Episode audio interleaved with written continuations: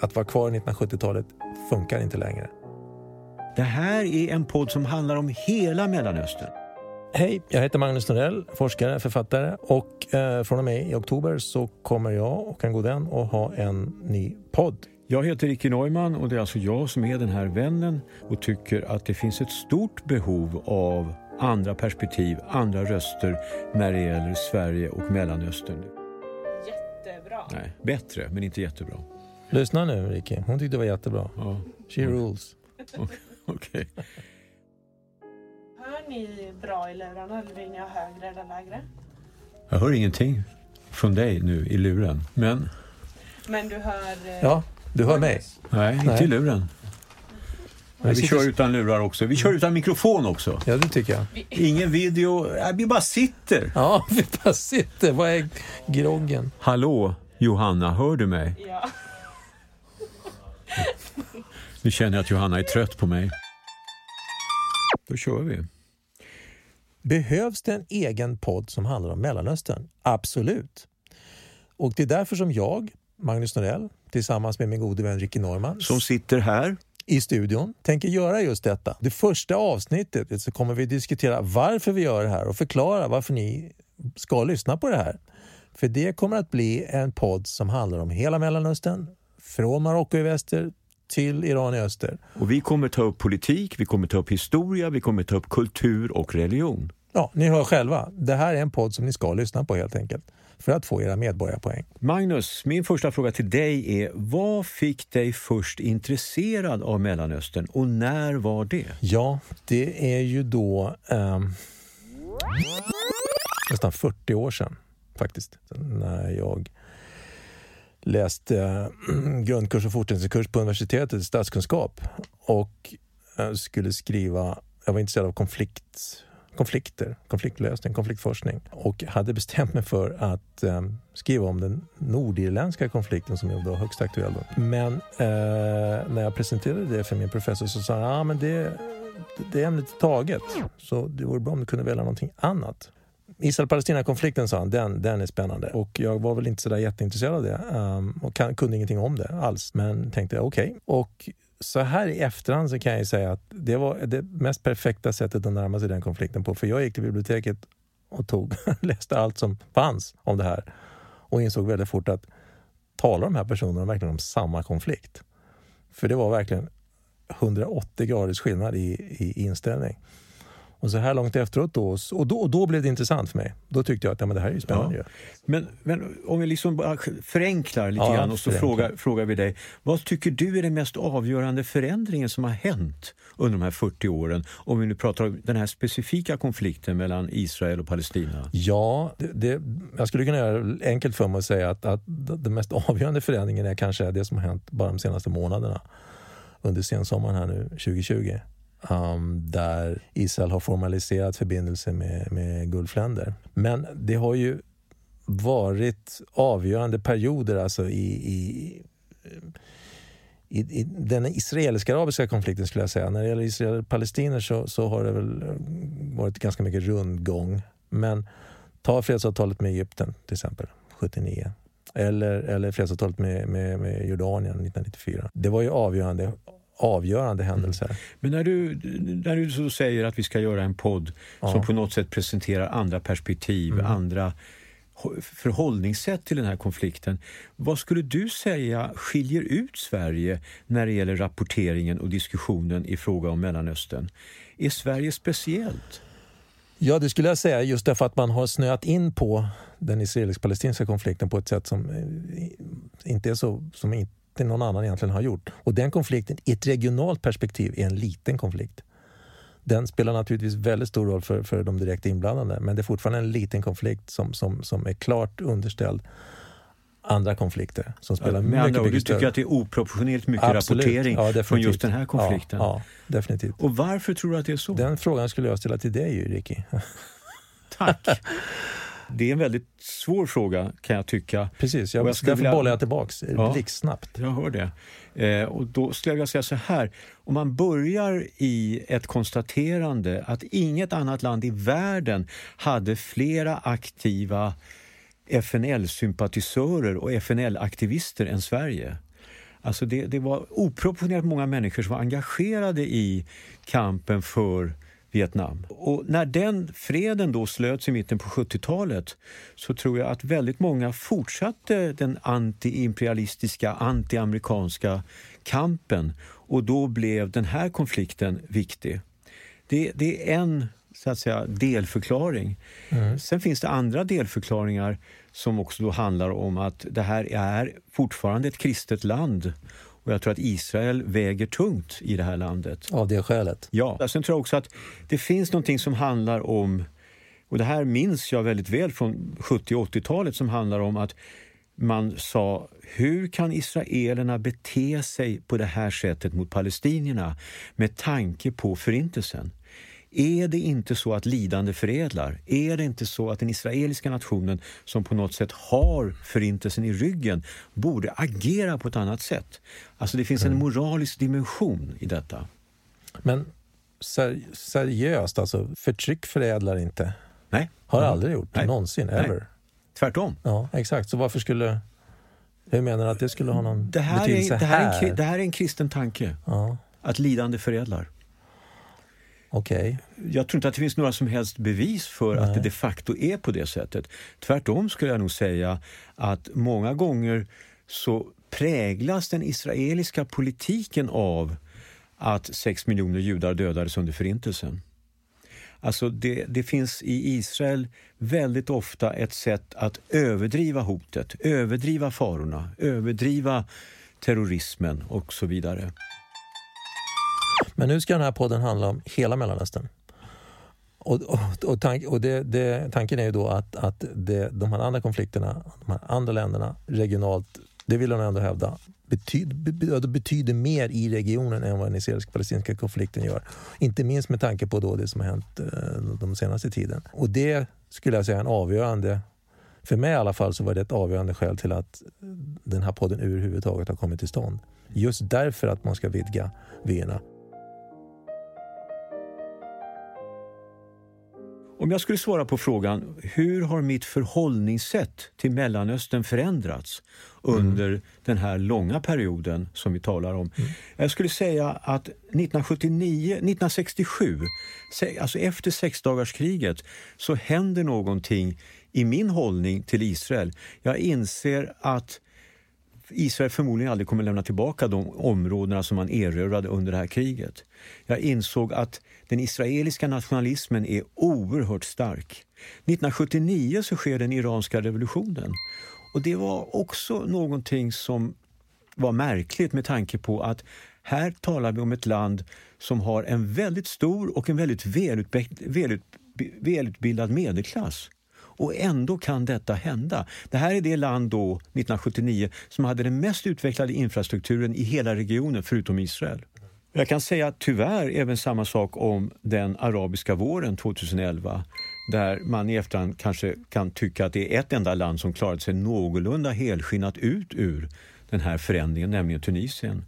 Mm. Och som avslutning på detta då IS som 2015 har ett oerhört stort landområde i Syrien och Irak.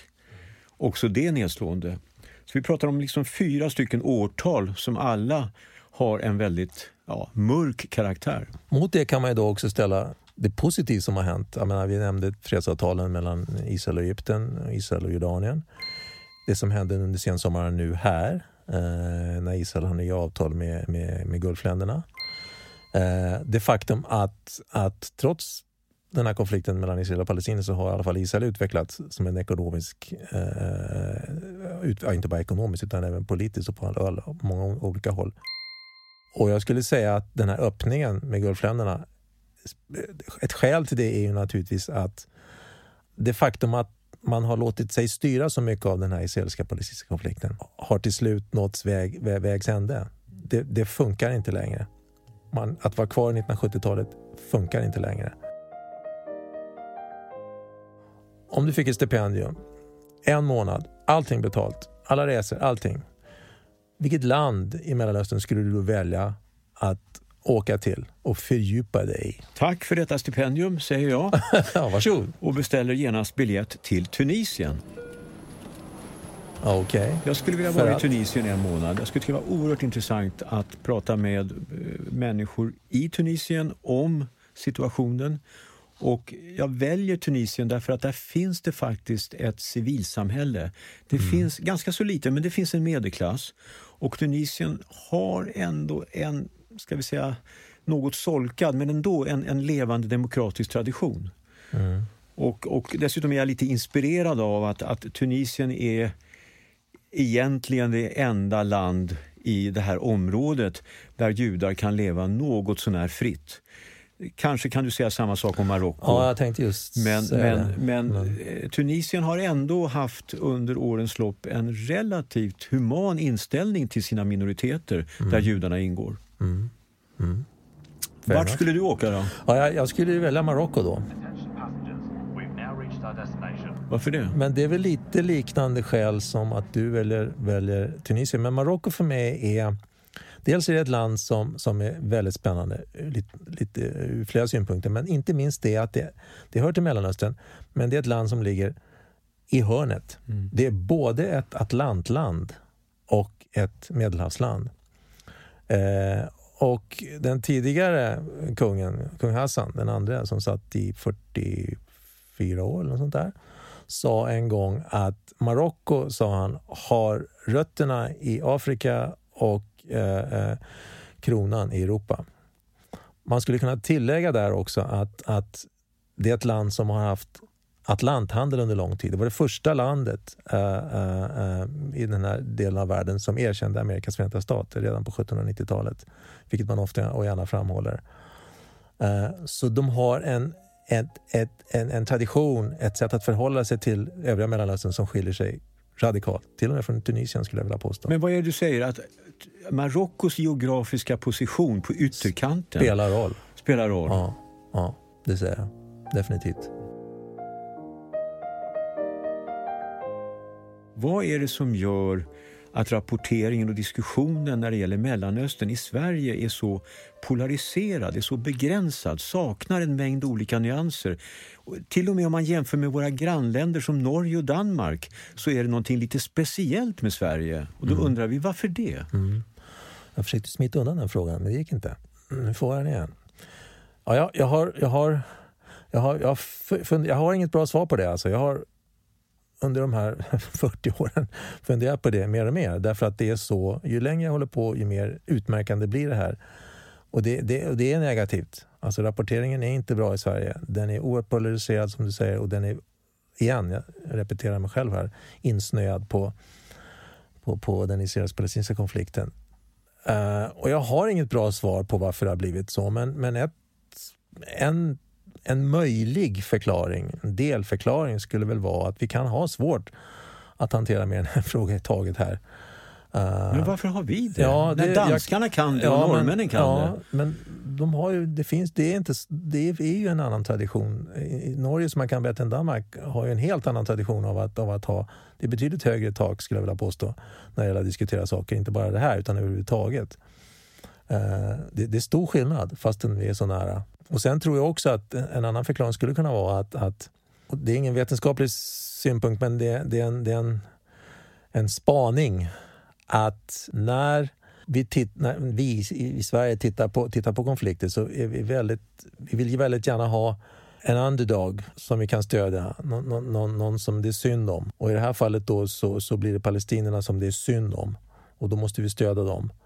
Um, och, och då försvinner ofta nyanserna. Är det synd om palestinierna, Magnus? Nej, jag, jag anlägger inte de perspektiven eh, faktiskt, eh, huruvida det är synd om dem eller inte. Alltså, palestinierna har ju för all del en väldig massa orsak till att, att eh, man möjligen kan tycka synd om dem. Men, men det, är inget, det är inget riktigt bra perspektiv att anlägga när man forskar om det. Men tycker du utöver det att det finns en sån hållning bland svenska politiker och journalister att det är synd om palestinierna och att den hållningen på något sätt bestämmer hur man agerar? de här emotionella eh, störtdykningarna och djupdykningarna som man gör är ju det, det, det, det är en trend som finns på andra håll än just i, inte bara den här konflikten.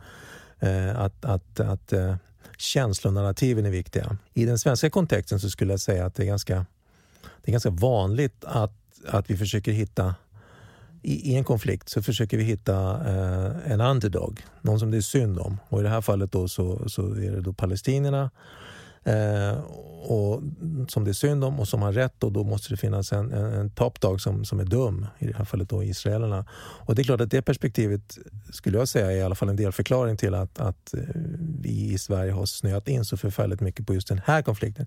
När man talar om Mellanöstern, man nämner Mellanöstern i Sverige, då är det alltid, i princip alltid den konflikten som dyker upp först, den israelisk-palestinska. Men om, men om man använder ska vi säga, en annan ingång, skulle du säga att palestinierna är de stora förlorarna i den här konflikten? Ja, det kan man kanske säga att de är. Men det är ju delvis självförvållat. Alltså, eh, med tanke på att... att, att här, här, är jag nog ganska noga med att göra en åtskillnad mellan... När du säger palestinierna, ja, det inbegriper då alla palestinier. Men, men de har ju haft ett, under lång tid ett, ett ledarskap som kanske inte har haft folks bästa för, för ögonen hela tiden. Um, och, och, och, man har, det, det är fem, 16 år sedan nu man hade val senast till exempel. Så att det palestinska folket är naturligtvis förlorare här i, i väldigt hög utsträckning. Och hur ska man förklara att det perspektivet på något sätt växer i styrka? Att identitetspolitiken blir starkare? Ja, det är en bra fråga. Ehm, ska Mellanösternpodden ta upp den frågan? In, inte idag? Ehm, nej, inte idag, inte idag. Men det kan vara värt att återkomma till, definitivt. Därför att det är klart att det har att göra med hur man ser på, på saker och ting i Mellanöstern också. Jättebra. Kan man använda det här materialet till mer än bara en, en, en och en halv minuts... Det tror jag. Ja. ja men det, det måste vara det. Det måste vara levande. Det måste liksom, men det var levande. Det måste vara ett samtal. Jo då. Alltså, både Magnus och jag av olika anledningar har ett fokus på Israel. Alltså vi har... Ja, men det var för att du ställde de frågorna. Jag hade inte alls tänkt prata så här mycket om Israel. Låt mig prata färdigt. nej, men vi skulle avbryta med han sa ju du. Ja, det är rätt. Okej, okay. avbryt på. Nej, nej, nej, det är helt rätt. Nej, det är helt rätt. Det är helt rätt. Du har snott min penna igen. Nej, du. Är den. Det har jag inte alls gjort. Okej. Okay. Nej, men det... Okay. Nej, men jag tycker det är bra alltså att man vänder sig mm. och då det, blir det mera levande. Men det, ja, precis. Men det, det, det kändes som att vi gjorde det här. I nästa avsnitt kommer vi att diskutera och samtala med två analytiker från The Washington Institute for Near East Policy i Washington DC. Det är ett av USAs främsta och mest prestigefyllda tankesmedier. Dave Pollock och Gait Alomari kommer att diskutera med oss om inte bara den israelisk-palestinska konflikten men även med de alldeles nyligen timade israeliska avtalen med Förenade Arabemiraten respektive Bahrain och vad det får för implikationer för regionen. Välkomna då! Hej, det är producent Johanna här. Innan vi avslutar så vill jag bara nämna att nästa avsnitt av Mellanösternpodden kommer redan den 29 oktober. Då hörs vi igen. Ha det gott, hej då! Creepcast Productions